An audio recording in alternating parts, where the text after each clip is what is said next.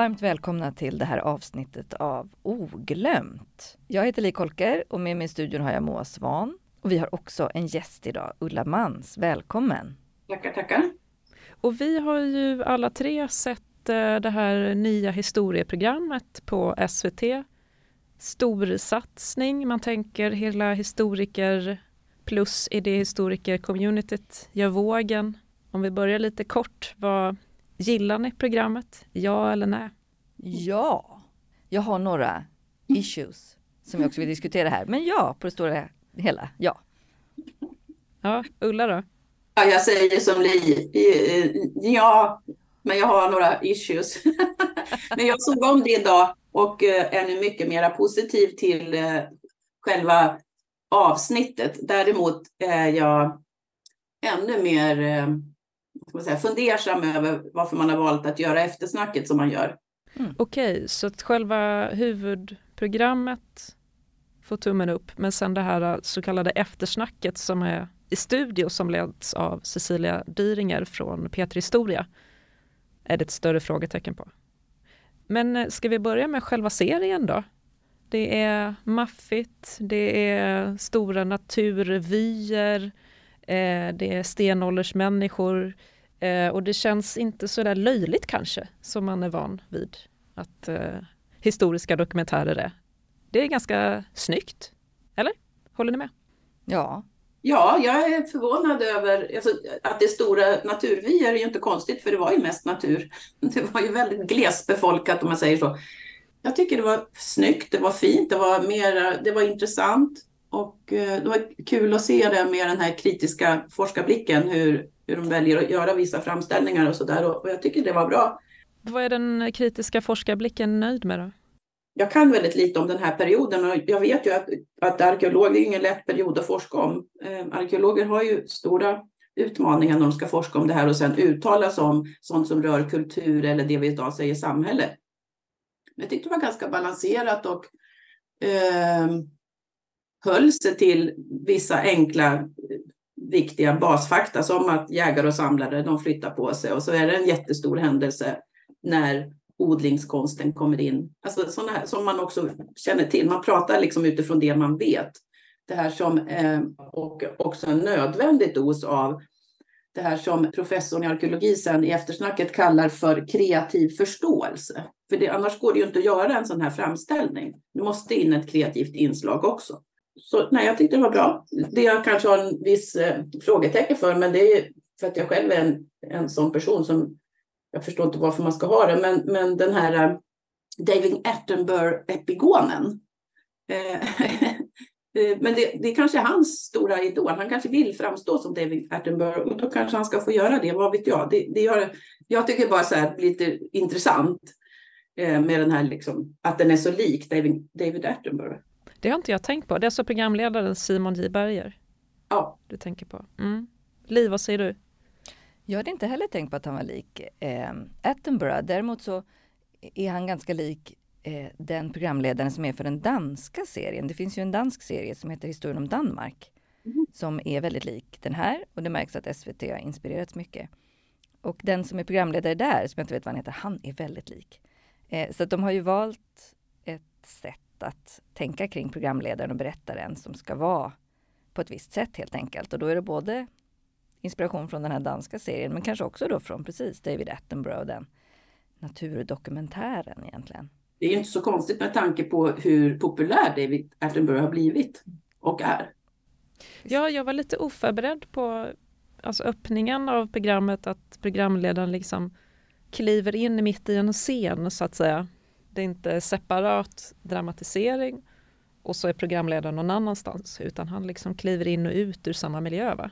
De har ju satsat mycket på dramatiken, på det dramatiska berättandet och på att man som tittare ska få känna att man är där och då funkar ju den formen väldigt bra. Att det händer någonting i historien och plötsligt så kliver då vår representant så att säga för vår tid och vår, oss, liksom oss tittare, det vill säga programledaren kliver in i det där.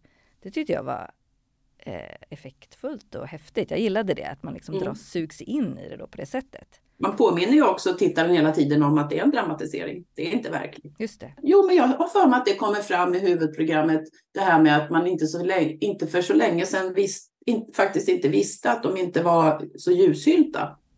Just det. Det sägs Ja. alltså, för de har ju sådana här talking heads som de klipper in med några arkeologer och genetiker och liknande. Då kan man ju tänka sig då att det här eftersnacket, där, där kan man ta liksom mera och, och problematisera och komplicera saker och ting. Men jag tycker att det finns mer bitar av det i själva huvudprogrammet också. Mm. En Ja, del. ja, men det har, du, det har du rätt i. Men kan vi inte gå in på issues? Det är ju roligare än eh, beröm, tycker jag. Då. Eh, Jag kan säga min, min största issue med hela konceptet, det är ju att det är Sveriges historia och att det redan i början är liksom historien om oss och vårt land och, och det. Och Sverige fanns väl inte för 12 000 år sedan, så det är min största issue, att man vill liksom göra den här långa bågen från liksom oss och så bakåt i tiden. Till och med kartorna i programmet motsäger ju det, för de kommer ju från Finland och de vandrar över Norge och sådär. Men det är ändå liksom vår historia. Och det stör jag mig på. Stör du dig på det, Li? Ja, jag reagerar på det i alla fall. Eh, och jag tänker att jag har jobbat, jag är arkeolog själv och jag är utbildad arkeolog och jag har jobbat länge med att förmedla liksom, arkeologi eh, och historia. Och vi har ägnat, eh, i museivärlden i alla fall, eh, ganska mycket tid åt att just diskutera Sverige och försöka förklara att Sverige är ju en ganska se, ett ganska sent påhitt, det som vi tänker på idag som Sverige. Nationen, riket, liksom den tänkta gemenskapen Sverige. Det, det är inte mer än max tusen år gammalt, liksom det, det, den tanken. Eh, och att det spelar roll på olika sätt eh, för hur vi kan tänka på historia. Men den diskussionen upplever jag idag, den är liksom död. Den finns inte längre utan man har under en period nu använt ordet Sverige och svenskar om eh, plats och människor ända sedan istiden då, för över 10 000 år sedan. Utan att kommentera det eller liksom eh, ta upp det överhuvudtaget som en fråga eller sådär, utan bara det, det är så, det var så. Och det är jag fundersam kring, konsekvenserna av det. Jag kan inte riktigt se liksom hur det kommer att eh, falla ut det här. Vad är det som vi vad finns det för fördelar med det och vad finns det kanske för nackdelar med det? Vad säger du Ulla? Det är nog det jag har minst problem med. Eh, säger jag lite provokativt här. Därför att eh, jag tycker ändå det blev tydligt i början att nej, men det är klart att inte Sverige fanns vid den för 25 000 år sedan. Eh, men det, här- nu kommer den här programserien handla om det här landområdet eh, och dess historia. Och, och då har vi valt att ta det från de första människorna kommer till det här landområdet. Och sen kom, när det kommer gå framåt i, i historien så blir det ju en, en, en, nation, det blir ett land och så. Men så det fanns ju inga länder för 25 000 år sedan. Så, så det är inte något unikt att, för Sverige. Eh, så är man bara tydlig med det så har inte jag något problem med det. För annars hade ju alternativet varit att man började för tusen år sedan. Och går, alltså man bara går tusen år bakåt. Eh, så. så det har inte jag något problem med. Eh, och så tänker jag nu när, när jag lyssnar på er så tänker jag att det kan ju hända att det finns en metatanke i produktionen kring det här, att man vill just visa det. Att eh, länder, nationsgränser, dels är föränderliga, dels eh, tillkomna eh, gradvis och successivt. Det vill säga, som vi på forskarspråk säger, en konstruktion. Vem vet? Jag vet inte om, jag kan inte något om den här produktionens tillkomst och bakgrundstankar, men, men det är ju en poäng då. Och då blir ju också en poäng i det här att svenskar, ja det blir de som finns i det här landområdet. Men det där är ju liksom, tänker jag också, en, en när nationalismen kan fungera som en inkluderande ideologi, alltså att när den bygger på att det här är Sverige och att man då lägger värderingar i att ja, det är Sverige som ett multikulturellt land eller det är ett mångfacetterat land och så vidare. Tycker jag då givetvis är bättre än en nationalism betyder på att man ska vara ett folk och ett rike. Så på det viset så tycker jag att det kan vara en fördel som du säger Ulla. Men eh, jag tror ändå att jag liksom instinktivt stör mig så mycket på det här eh, vårt land. Men det är någonting i samtiden tänker jag som gör att, man, att vi nu väljer att diskutera historia på det här sättet istället för som jag tänker då för tio år sedan när vi var noggranna med kanske att mera eh, försöka förklara hur en nation uppstår och vad som händer när det blir ett land. Om vi ska sammanfatta då, både jag och Li stör oss lite på vårt lands historia. Du ser positiva aspekter Ulla. Nej, det gör, jag ser inga positiva aspekter så, utan snarare så jag stör mig inte jättemycket på det. Eh, det var det eh, som jag menade egentligen. Sen, eh, för det säger ju sig självt att, att det inte Sverige fanns för 25 000 år sedan. Men det blir ju spännande att se hur det hanteras när, när, när de kommer längre fram i tiden. Då. Det här är ju första programmet, det är ju liksom rudimentära samhällen. Det är ju så. Mm. Men ju mer ett samhälle tar form och det blir olika grupper av människor, alltså olika samhällen då inom ett visst territorium och den här till, tillflödet eller frånvaron av, av, av mat eller tillgång till sånt man jagar eller det är missväxt eller vad det nu kan vara så kommer ju de kulturella och sociala aspekterna betyda mer, eller de kommer in mycket mer och så finns det ju ett annat källäge också. Så det ska bli spännande att se hur det hanteras. Så ja, men det är ju bara små familjegrupper framstår det som. Det framstår, ja, det framstår väl inte som att det är några större grupper som mer permanent håller samman, utan de verkar ju samlas vid den här Motala ström och, och göra det där vad de nu gör. Och det tycker jag, det tycker jag är ett ganska bra avsnitt, att de faktiskt håller öppet. Vi vet inte exakt vad de gör där. Det kan vara det, en, det kan vara något, det ena, men det kan också vara det andra. Det tycker jag ändå sägs tydligt. Och, och då verkar det som att det samlas större grupper där. Men i övrigt verkar det ju vara mer familje, nästan familjebaserat i någon slags större familjekonstellation. Eller små grupper i alla fall. Jo men precis, det är ju helt tydligt att gemenskaperna som man kan känna eller som syns under den tiden är ju helt annorlunda mot vad vi tänker oss idag när vi tänker på Sverige då till exempel. Där det är liksom större samhällen en, alltså, och, och en tänkt gemenskap då som handlar om att vara svensk eller att bo i Sverige eller att eh, liksom, ja, vara en del av det. Och det är väl, jag tänker för mig, just när man pratar om vikingatiden till exempel som vi gör och har gjort mycket på vårt museum. Då har det handlat väldigt mycket om att vara noggranna med att förklara att nej, men Sverige fanns inte för att vikingatiden är en sån tidsperiod som gärna kidnappas av både nationalistiska men också liksom eh, rasistiska krafter för att prata om vad en, en sorts renhet i det svenska och ett rent eh, arv och ett rent blod och sånt där. Liksom läskigheter. Så då har vi lagt mycket krut på att så nej men Sverige är en mycket senare konstruktion och det är väldigt oklart exakt när det blir ett rike och så här. Och nu är det då Sverige från tidig stenålder. Så det reagerar jag nog på. Men som du säger Moa, det finns ju också en möjlighet i det att vidga gemenskapen i samtiden som handlar, precis som du säger också Ulla, så här, alla som bor i det geografiska område som vi kallar för Sverige idag, de får vara med. De hör till. Eh, och de som lever här nu och hör till nu kan också känna gemenskap med människor som levde här för 10 000 år sedan. För de var också svenskar och boende i Sverige. Det är ganska effektivt om man tänker att man har människor i Sverige som kanske har levt här en generation eller ett par generationer och som inte kanske skulle känna automatiskt att de har så mycket att göra med Sveriges historia eller att det är så intressant för dem. För de, de och deras släktingar levde inte här då och därför så behöver man inte intressera sig eller vill inte eller tycker att man har sin historia någon annanstans. Ja men då att liksom bygga en gemenskap, då är ju det effektivt, tänker jag, att använda Sverige-begreppet och svensk-begreppet även så här tidigt. Eh, så jag har liksom inte riktigt bestämt mig för vad jag tycker om det mer än att så här, jag är lite ovan vid att vi pratar om ja. Sverige på det här sättet. Och det har ju förstås någonting att göra med samtiden. Men jag har inte riktigt mm. klurat ut hur det har att göra med samtiden. Mm. Varför har vi valt att byta eh, liksom, strategi mm. när vi pratar om mm. historia och Sverige? Det har hänt något, men vad är det exakt som har hänt? Eh, men det kommer nog visa sig tror jag också eh, framöver. Ja, det kan ju idéhistorikerna hjälpa oss med längre fram och försöka förstå vad som har hänt. Det göra.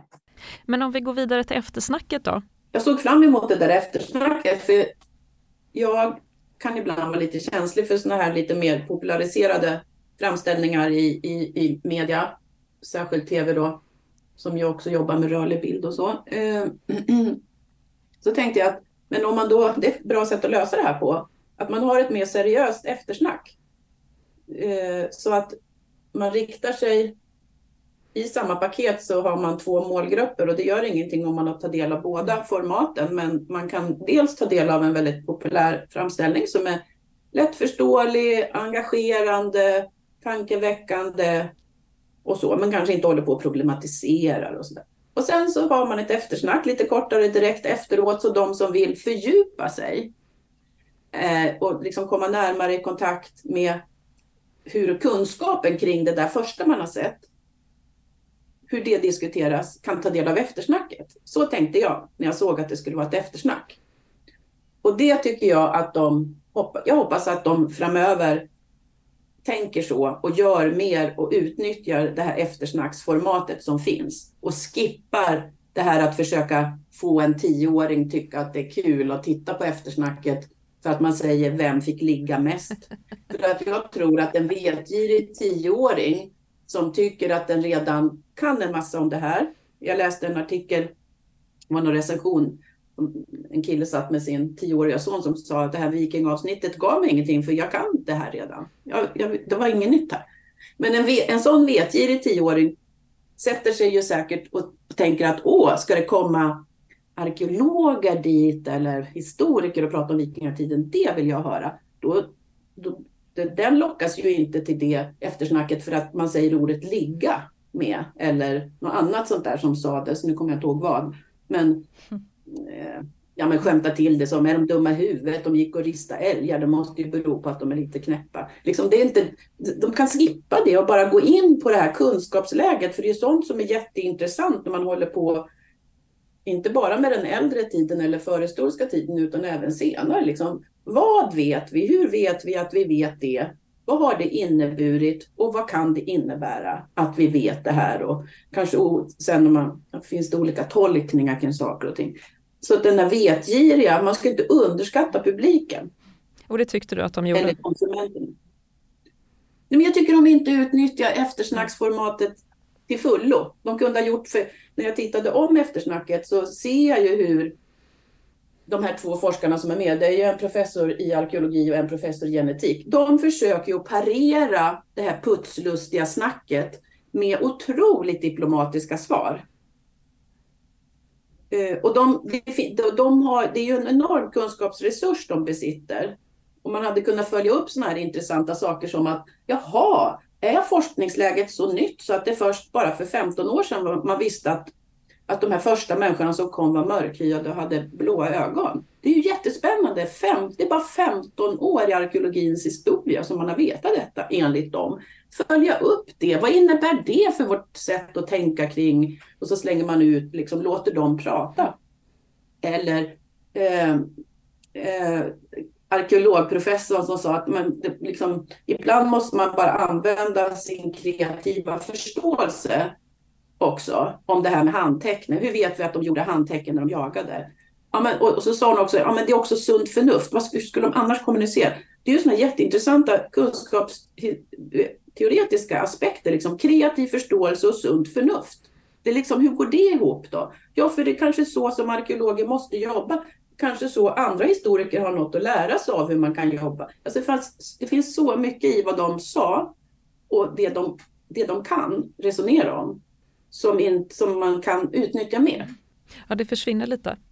Eh, och sen om man då, jag som ändå jobbar med humor, om man eh, verkligen vill göra någonting roligt så eh, kanske man hade velat jobba med, mer med det också då. Eh, det kommer kanske inte heller till sin rätt helt när man gör två saker samtidigt alltid. Kanske beror på hur man gör det. Man, man behöver inte vara liksom nedlåtande mot stenåldersmänniskorna för att de utan snarare så här, eh, de har ju precis sagt i eftersnacket, älgen var jätteviktig. Då är det lite så här, det blir lite så här, slå in en öppet och så här, varför ritar de älgar hela tiden? Ja, för då, vi har ju precis fått veta att älgen var jätteviktig. ja. Ja, men då ska man skoja om något annat. Mm.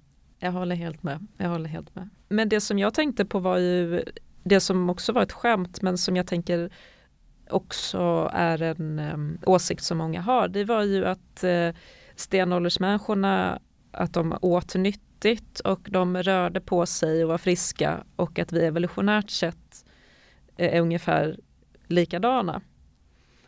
Och den föreställningen tänker jag också finns i ja, men alltså en, en del forskare men också en del förståsigpåare eh, trycker ganska starkt på det. Ja, att vi på något vis skulle vara stenåldersmänniskor allihopa fast vi är fångade i ett modernt samhälle där liksom eh, tekniken förstör oss och egentligen borde vi käka nötter och så.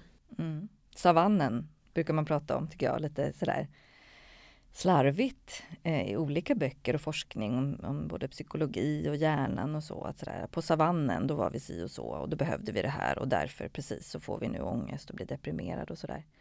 Eh, och, och blir sjuka och får fetma och diabetes och så.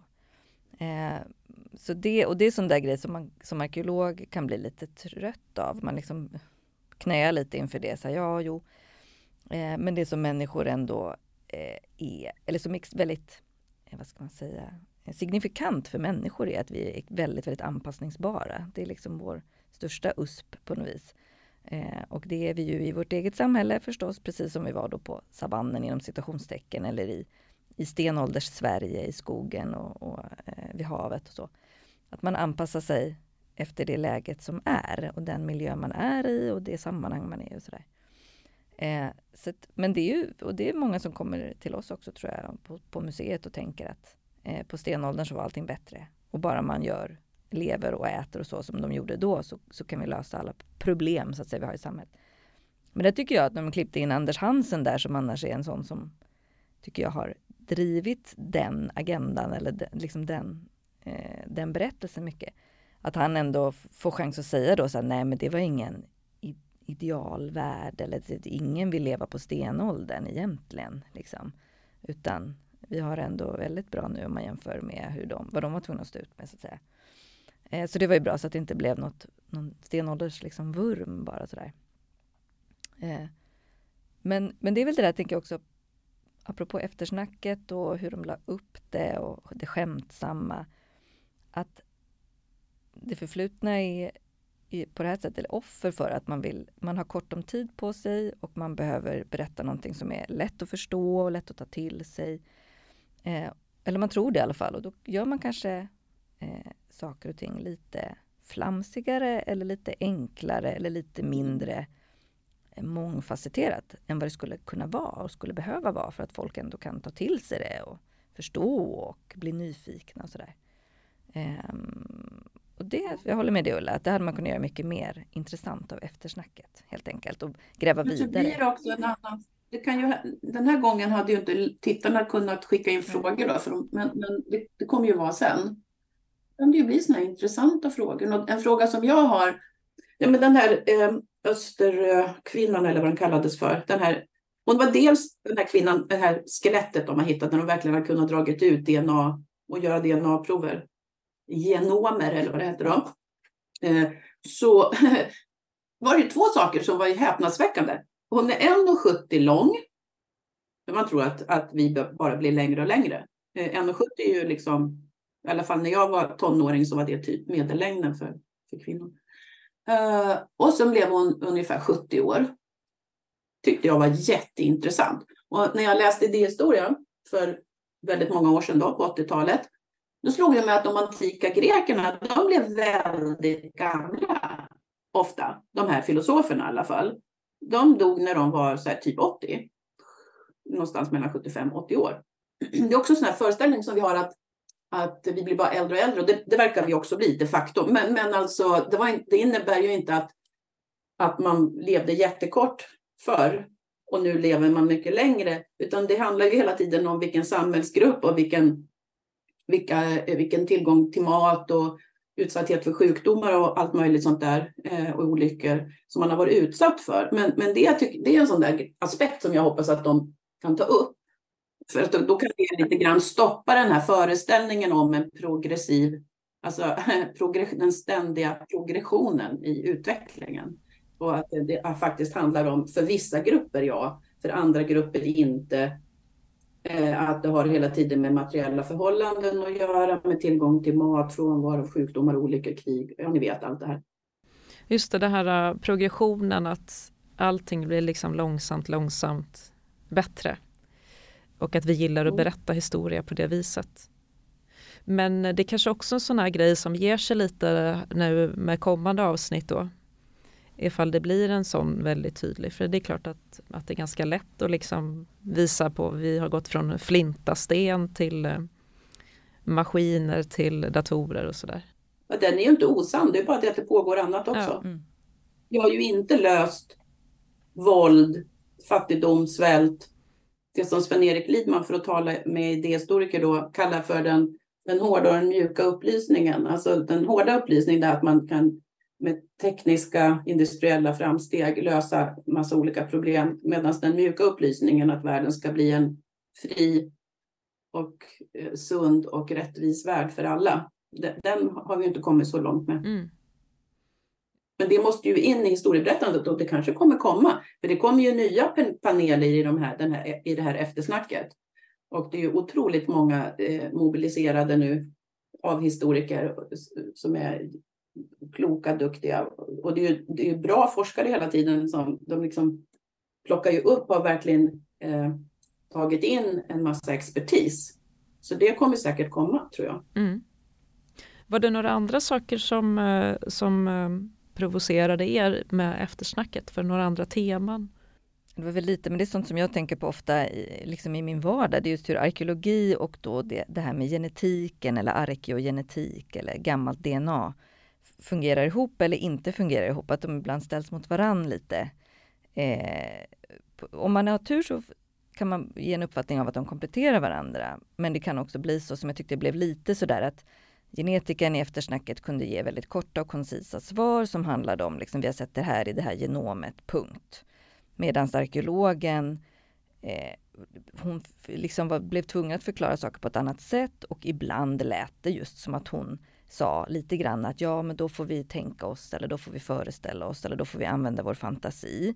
Har man otur, otur då så sitter publiken och tänker så här, jaha, men vad, vad, behöver vi arkeologin till då när vi har genetiken nu? Det är väl bara att ta ett DNA-prov så får vi veta allting om en, en människa eller en, en, en grupp eller en tid. Vi behöver inte ha arkeologin eller vi, den, är, det är liksom, den, är, den är flummig, den leder ingen vart och sådär. Så att, eh, och det märker vi också, tycker jag, eh, mycket liksom i vår vardag som pedagoger på museum, att många frågor om dåtiden som kommer nu handlar just om den nya tekniken med DNA eller isotoper. Man kan spåra människors rörelser och kost och uppväxtförhållanden och sånt.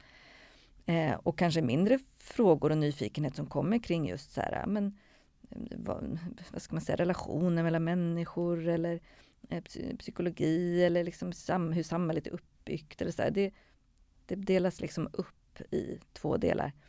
Eh, så det tänker jag mycket på, hur vi ska använda det här med DNA och genetiken så att vi kan bygga på det som arkeologin kan ta reda på istället för att byta ut eller liksom se det som två helt olika typer av kunskap där den ena är liksom hård och naturvetenskaplig och den andra är lite mjuk och flummig och, och eh, humanistisk. Nej, nej men jag har, kan ju ingenting om arkeologi som vetenskap eh, eh, eller den förhistoriska tiden. Men jag, för mig funkar det väldigt bra att ha dem båda. Jag tyckte inte de motsades varann, de motsade inte varann och det blev som att eh, DNA-tekniken kunde liksom ge vissa uppgifter, men sånt som rörde kultur och relationer och mellanmänskligt beteende, det, var ju, det är ju tvunget att tolkas fram och där var ju hon otroligt bra tycker jag, hur hon pratade. Och även de här som kom in i, i huvudprogrammet också kring den här Motalas dröm episoden, att man, man kan se det på ett, att det är något negativt eller något våldsamt, men man kan också försöka vända på perspektivet och se vad händer om jag tänker vidare då. Eh, och så. Eh, så att eh, för mig funkade det bra som en, en person som inte kan särskilt mycket om det här alls. Skönt att höra. Jag tänker att du ändå får representera, även om ja. du är ju forskare och så, men ändå. Den bildade allmänheten. Ja, precis. Ja, nej, men ja. det funkade bra för mig och jag tyckte, han, genetikern sa ju också att han tyckte det var, var kul att se det här gestaltat eftersom det annars, han kallar det för annars är det bara punkter på grafer, sa han. Och då börjar man förstå vad de sitter med och, och vad man kan göra med det och så att det verkligen, då behövs ju, alltså de kan inte göra något utan arkeologernas kulturperspektiv. Bra. Men det är ju också eh, det som man får om man liksom också går till ett museum. Alltså att det är också mer än punkter och grafer. Eh, även om själva forskningen består av det så vill man ju gärna få det omvandlat på något vis. Men vad tyckte ni om eh, liksom genusframställningen då rakt igenom? Får de liksom godkänt? Ja, jag, jag tänkte nu är Moa ute efter något här. Som, nej, det var ju som de, de var ju, alltså det var ju så här, eh, det var inte så, jag tror inte genus, den moderna genusarbetsdelningen hade slagit igenom där på stenåldern. Riktigt. För de säger ju väldigt tydligt att, man är helt beroende av alla i gruppen. Mm. Oavsett kön eller om ålder, inte för små barn kan inte vara med och jaga, men så fort man blev någorlunda stor så var för alla behövdes. Till exempel, det är ett, ett sånt där exempel då. Och på, i, i den här filmatiserade scenen när de jagar renar så ser man ju att det är av båda könen och det är också yngre människor och äldre och sådär. De var inte några jätte, jättegamla då, men i alla fall. Eh, så jag, nej, jag tänk, tänkte ni på något? Jag hade inget som... Nej, men jag tänkte, bronsåldern som brukar vara så problematisk. Okej. Okay. Det blir nästa avsnitt, ja. Mm. Mm. Jag tänker att det här äh, stenåldersberättelsen, liksom den här äh, allmänna populära framställningen att den har varit väldigt nedkladdad med föreställningar om manligt och kvinnligt. Att jägar och samlarsamhället har varit något som man gärna förklarar med liksom att män är ute och jagar och kvinnorna satt hemma i grottan. Och att det liksom kritiken mot den berättelsen när jag ser det här programmet tänker jag har slagit igenom att man gör inte det där längre.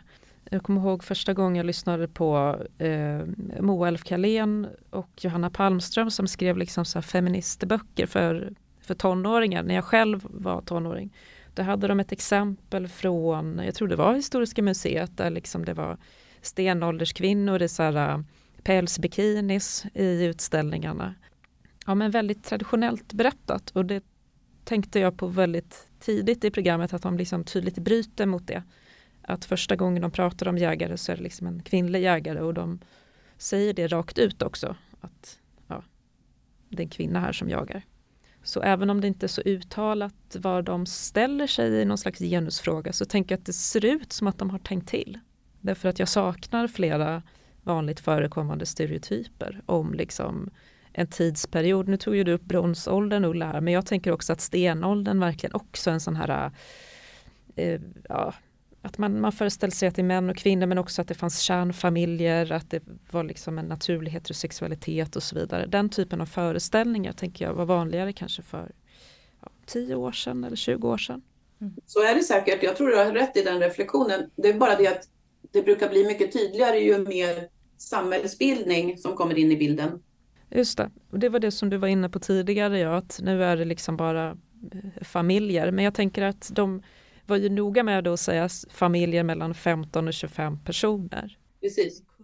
Och den här savannen, berättelsen som du är inne på där Li, att liksom stenåldern ändå har varit eh, en sån här eh, romantiserad period ibland av en del liksom, ja man tänker sig fördomsfullt incels liksom, precis som att vikingar eh, ofta framställs som liksom en tid då män var fria och, och, och fyllda av maskulinitet, att stenåldern också har varit en sån där eh, symbol för en viss typ av manlighet och kvinnlighet.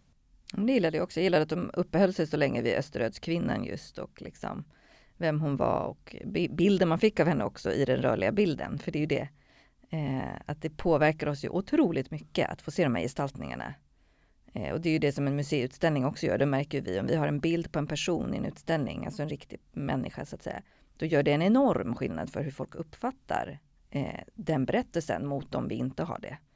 Så vi har ju en österrödskvinna kan man säga, som vi kallar för kvinnan från Barum i vår utställning som också är, eh, ja, levde för jättelänge sedan. Eh, och hon har ju en liknande berättelse av att vara jägare och kvinna och man tänker sig kanske att hon har varit förälder också då och sådär och levt i en, en familjegrupp. Eh, och den berättelsen har vi berättat för skolbarn i väldigt många år nu. Eh, och nu är det kanske så att ja precis, det börjar slå igenom liksom de här exemplen och då är det ju Österödskvinnan och Barumskvinnan och vissa andra sådana individer som vi känner till. Väldigt, väldigt få. Men de få vi känner till, de berättelsen, när vi har fört fram berättelsen om dem så verkar det ändå göra skillnad då och det är otroligt uppmuntrande. Eh, att man inte behöver ha hur mycket material som helst för att ändå kunna eh, liksom svänga om eller förändra en berättelse om en hel tid. Det tycker jag är häftigt. Så kom till Historiska och titta på Barumskvinnan om ni inte har möjlighet att, att eh, komma nära Österödskvinnan. Vet man hur gammal hon blev? Kvinnan från Barum? Mm. Mm. Hon, ja, hon var blev inte riktigt fullt så gammal, 50-årsåldern ungefär. Mm. Och så vet man inte riktigt vad hon dog av. Det finns olika mm. teorier om att det kanske är en skada eller det kan vara en sjukdom. Det är oklart, men hon blev inte fullt så gammal. Mm. Ja, jag tycker det är jättefascinerande. Eh, jag, när vi skulle göra det här, eh, den här podden så tänkte jag, eh, för många år sedan så var jag i södra Spanien och då fanns en sån här stenåldersgrotta eh, utanför Ronda. Jag kommer inte ihåg nu vad den heter. Eh, som vi fick gå in i. Man fick bara gå in några stycken åt gången. För att inte förstöra. Och det var lämningar på väggarna, alltså teckningar och det fanns sot och sånt där. Och då levde de där för 23 000 år sedan. Och när vi gick, man får klättra upp en bit på berget för att komma in i grottöppningen, såg precis ut som familjen Flinta. Alltså hela eh, landskapet, så här, stora stenbumlingar, någon liten sån här suckulent. Alltså det var väldigt så här, eh, det var helt magiskt. Och så gick vi in i den här grottan och den är ju helt becksvart.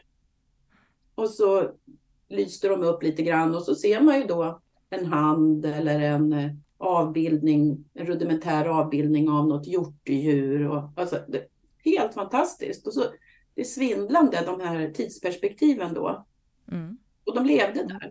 Och de fick mm. barn och de menstruerade och de åt, blev sjuka, sov. Precis, jo men för det är ändå det som han säger i etiken att vi är liksom biologiskt då eh, ungefär samma, det är samma sorts, sorts varelse liksom, som människorna var då för över 10 000 år sedan. Eh, och 20 000 år sedan och ännu längre tillbaka. Det ger ju möjlighet till att känna någon sorts gemenskap och eh, angelägenhet och närhet. Fast omständigheterna och livsstilen och liksom är ju totalt annorlunda mot oss. Men, men ändå, det finns en gemenskap där. Man kunde bli kär till exempel. Det frågar många hos oss. Liksom, kunde man? Och man inser att nej, men det kan vara svårt att föreställa sig att man för 20 000 år sedan kunde känna alla de där känslorna som vi kan känna nu. För varandra eller för liksom oss själva. Och så här. Men ja, det gjorde man ju på ett eller annat sätt. Eh, och det är ju, tycker jag, en utmaning när man pratar om en tid för så länge sedan. Är att kunna berätta om alla likheterna och det som är samma som vi, eh, de utmaningar vi har nu eller liksom med oss själva och relationer och så. Samtidigt som man kan berätta om hur otroligt olika det var för att världen runt omkring omständigheterna såg så himla olika ut. Arkeologen sa ju också det här, påpekar ju det här att eh, alla kulturer så, så vitt vi vet har alltid tagit hand om sina döda. Och har haft ritualer. Sen vet vi inte exakt vad de betyder, betyder. Vi vet inte exakt hur de såg ut, men vi vet att det fanns. Eh, som ju också går tillbaka till den här frågan som, som du sa Li, det här med blev de kära? Eh, alltså då kan man ju ställa frågan, sörjer de när de förlorar en anhörig, Man förlorar ett barn? Mm. Ja, så. Det ger ju, alltså det är de här bitarna som, som ger de här perspektiven. Men också den här, eh, att ladda på dem med den här tidsförändringen och hur, i vilken utsträckning vi är lika och inte lika. Och, och så. Men då tycker jag det är ganska, jag, tyck, så jag uppskattar verkligen det här eftersnacket när de väl liksom fick brodera ut lite eller när man lyssnar väldigt uppmärksamt på vad de säger då. Att, ja, men man får använda lite sitt sunda förnuft också. Man vet då att alla kulturer har haft tagit hand om sina döda och haft gravritualer. Kan man koppla det till frågan, hade stenåldersmänniskorna känslor? Och så kan man använda sitt sunda förnuft eller sin kreativa förståelse som hon kallar det för också. Då, då blir det jättespännande. Mm. Och så plus lite genetik då. Men eh, nu har ju ni nästan övertalat mig då om att det kanske var ett bra program ändå. Jag som var lite skeptisk.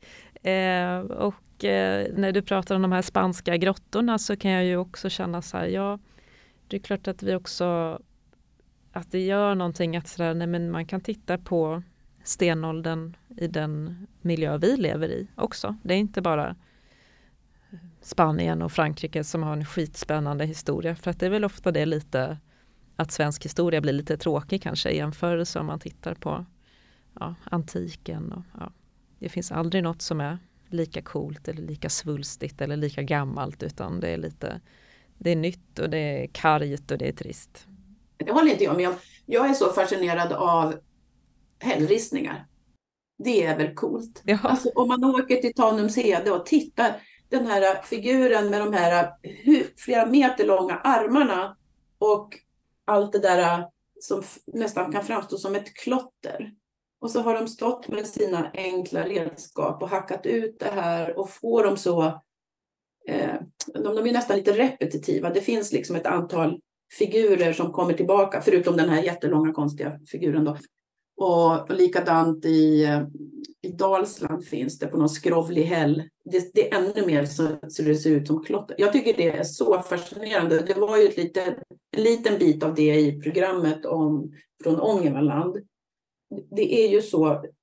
Varför gör man det? Vad, vad är viktigt att, att göra? Varför lägger man så stor kraft och energi på att göra de här hällristningarna med tanke på att om man ska tro arkeologin att det hela tiden är en kamp om överlevnad. Man måste samla mat, man måste skydda sig och hålla sig varm. Men man lägger ändå enormt mycket tid och kraft på att göra dessa hällristningar. Vad betyder det? Och, och det, är ju, uh, det tycker jag är coolt. Jag vet inte om det finns hällristningar i så jättemånga regioner så. Uh, i världen. Jag vet inte, men, men det är väl ändå coolt. Mm. Det är jättekult. Men det här de hittar i Kärrtorp där, södra Stockholm där du bor Li. Mm. Visst är det också hällristning? En nyupptäckt hällristning där mitt på Nytorps Gärde på en häll. Eh, skepps, eh, skeppsbilder var det nog om jag minns rätt. Mm. Det var jättehäftigt. Vi var mitt i ett bostadsområde och eh, på en plats där också finns ett vikingatida gravfält då, eller, från tidigare. Och så hittar man plötsligt en hällristning, en arkeologistudent som gjorde det. Maja Åkerström. Det finns ju verkligen nära oss. Eh, jag menar Tanumshede på västkusten, man kan åka också till. Eh, utanför Norrköping finns ett stort hällristningsområde och sen så har vi ju hällristningar och hällbilder i Ångermanland vid Nämforsen. Så det finns några platser. Men man kan också stöta på det liksom i en förort eh, till Stockholm. Sådär. Det, eh, och det är ju häftigt om man, om man tänker att man kan börja intressera sig för så länge sedan och gå ut i landskapet runt omkring, då kan man hitta massa spår överallt av olika slag. Sen är de kanske inte inga pyramider alltid sådär eh, eh, eller så ofta det är spektakulära men ändå. Men det var exempel på att Simon J gick ju in i en sån här stenkammargrav som är då eh, åtminstone 5000 år gammal där man har begravt många människor. Eh, att få gå in där och titta och vara i det rummet, det är ju otroligt. Så att det här med att komma nära liksom, historien på det sättet eh, och bilderna som är att komma nära någons inre egentligen, precis som språk. Det är ju otroligt häftigt. Och det kan man göra i landskapet eller på museer om man har tur. Men det som fascinerar mig då från mitt historieperspektiv det är då en, en sån där gravkammare eller hällristningarna. Då slår det mig så här. Så de la alltså tid och energi på att göra dessa saker. Och hur flyttar de de här stora stenblocken? Hur gjorde de de här inristningarna i de här stenhårda granithällarna? Och de måste ha redskap till det. Då måste de veta att ett sånt här redskap kan hjälpa till för att åstadkomma det här. Och kunskapen, hur det går till, vad man ska göra och inte göra, eh, hur det kommer se ut när man är färdig. Mm. Den måste skickas vidare liksom, från generation till generation. Och hållbarheten, det har ju hållit ända fram till idag. Ja, det är väl kanske just ett problem med äldre tiders historia, att ju längre tillbaka i historien vi går, även om vi vet att människorna då rent som biologiskt är som oss i princip, med ett inre liv och allt vad vi har liksom, så har man ändå en tendens att berätta berättelsen som att det handlar just om bara om överlevnad och bara om att skaffa mat för dagen och eh, bara om att föröka sig, att det blir, man blir mer och mer djurisk som människa ju längre bakåt i tiden vi befinner oss. Och det kunde man väl kanske se lite när, de, när det var den här dating, stenålders dating eh, scenen, de dansade runt elden där. Då fick jag hålla upp en liten skämskudde för ansiktet faktiskt, tyckte jag var lite så här, oh, pinsamt. Men den, den scenen hade jag lite svårt med just på grund av att det blev och det kanske var så, det kanske var så man firade de här högtiderna på det sättet eller så man möttes romantiskt liksom runt elden i den här dansen och med musiken och så. Jag vet inte, det kanske var. Men det kändes lite mera som att här, det var den här lite djuriska stenåldern som dök upp där. Eh, och så tittar man då på ristningarna i Nämforsen eller någon annanstans och ser så här, vänta den här, den här inre världen och berättandet som finns i det. Ja, men det är liksom en helt annan bild tycker jag av den tidens människor. Eh, så att ja, man kanske gled lite där, men jag håller med om att just bilder är otroligt effektiva för att just få komma på insidan av en människa mm. eh, som levde för tusentals år sedan. En annan aspekt de gärna hade fått fördjupa sig lite mer i, som jag blev intresserad av, det var det här eh, reproduktionsstrategierna. reproduktionsstrategierna, vilken utsträckning, det hade varit spännande att få höra experternas kommentarer eller synpunkter vad de tror. För nu var det bara ett kort, ett kort avsnitt som mer eller mindre konstaterade att, att eh, man ammade länge och så, trodde, så blev det inte så många barn. Eh, det finns ju andra sätt att se till att det inte blir barn också. Till exempel om man då har ett heteronormativitetsperspektiv på det hela så, så, så finns det ju väldigt enkla sätt att ha sex utan att det garanterat blir barn. Så det är liksom, men det, hade varit bara lite spännande. Eh, eh, och också de tog ju inte alls upp, och nu menar inte jag att det existerade, men man kan ändå bli nyfiken som tittare. Eh, var det okej okay att sätta ut barn i skogen om man fick för många? Alltså det är jättemycket spännande. För att det är ju såklart oerhört viktigt i sådana här små familjer eller sådana här små grupper av människor som ska överleva att reglera liksom så att tillgången till mat eh, korrelerar med behovet av mat så det inte blir för stora grupper och sådär. Och hur gjorde man med gamla och sjuka? Och, ja. Somliga saker kan man ju se arkeologiskt, eh, tänker jag. Men, men det blir som att vissa saker, till exempel har man satt ut barn, det har man ju pratat om för vikingatiden eh, mycket, så har man gjort det. Och då är det arkeologiskt kan det vara väldigt svårt att, att se det, huruvida man har gjort det eller inte. Eh, men, men, eh, eh men somliga saker kan man se, hur man har behandlat gamla och sjuka till exempel och att man har gett sjuka vård eller att man har försökt att liksom eh, laga, laga skador på ben eller ja, sådana saker. Operera människor har man gjort det ganska långt tillbaka i tiden, försökt operera och så. Så det kan man ju se att det har funnits en, liksom en omtanke på det sättet. Men absolut, och det tänker jag så här, jag i alla fall och du Ulla och kanske du också Moa, många av oss är intresserade av just sådana saker som är det där mellanmänskliga. Att det är där man ändå vill borra lite mer, liksom, både kring så här, men hur, hur var det när de dejtade egentligen? Hur gick det till? Eller hur ser de till att inte få så många barn? Eller vad tänkte de när de, du, du, du, sådär. Eh, så det kan man hoppas att de tar upp mer i eftersnacken då, då kanske, ännu mer. Mm. Så vi kan liksom känna igen oss lite grann eller bli nyfikna på det sättet. Det, är ju fantastiskt. Nej, men ju mer vi pratar desto mer positiv känner jag mig. Jag ser jättemycket fram emot fortsättningen. Ja, men det tror jag verkligen att man får det, liksom dramatiken och det här möjligheten att eh, få leva sig in i med det dramatiska berättandet och sådär. Och sen så är det faktan som insprängs in då och att man får tydligt förstå den då. Okej, okay, det var en arkeolog som vet det och det är en genetiker som vet det. Jag tror att det är ett väldigt bra, en bra blandning, liksom, ett bra koncept. Ja, finns något för alla förhoppningsvis. Om de då också shapar upp eftersnacket lite och fördjupar det lite tycker jag också vore kul. Liksom att man där kan få svar på de här lite knepigare frågorna eller, eller det ställs fler frågor men att man ändå diskuterar mer. Liksom. Och så fick jag ju prata om den fantastiska upplevelsen, för det är faktiskt en stor eh, upplevelse för mig att ha varit i den här grottan i, utanför Ronda. Det och att jag har varit i Petra i Jordanien. Det är så här stora upplevelser för mig. Känner man ju historiens vingslag.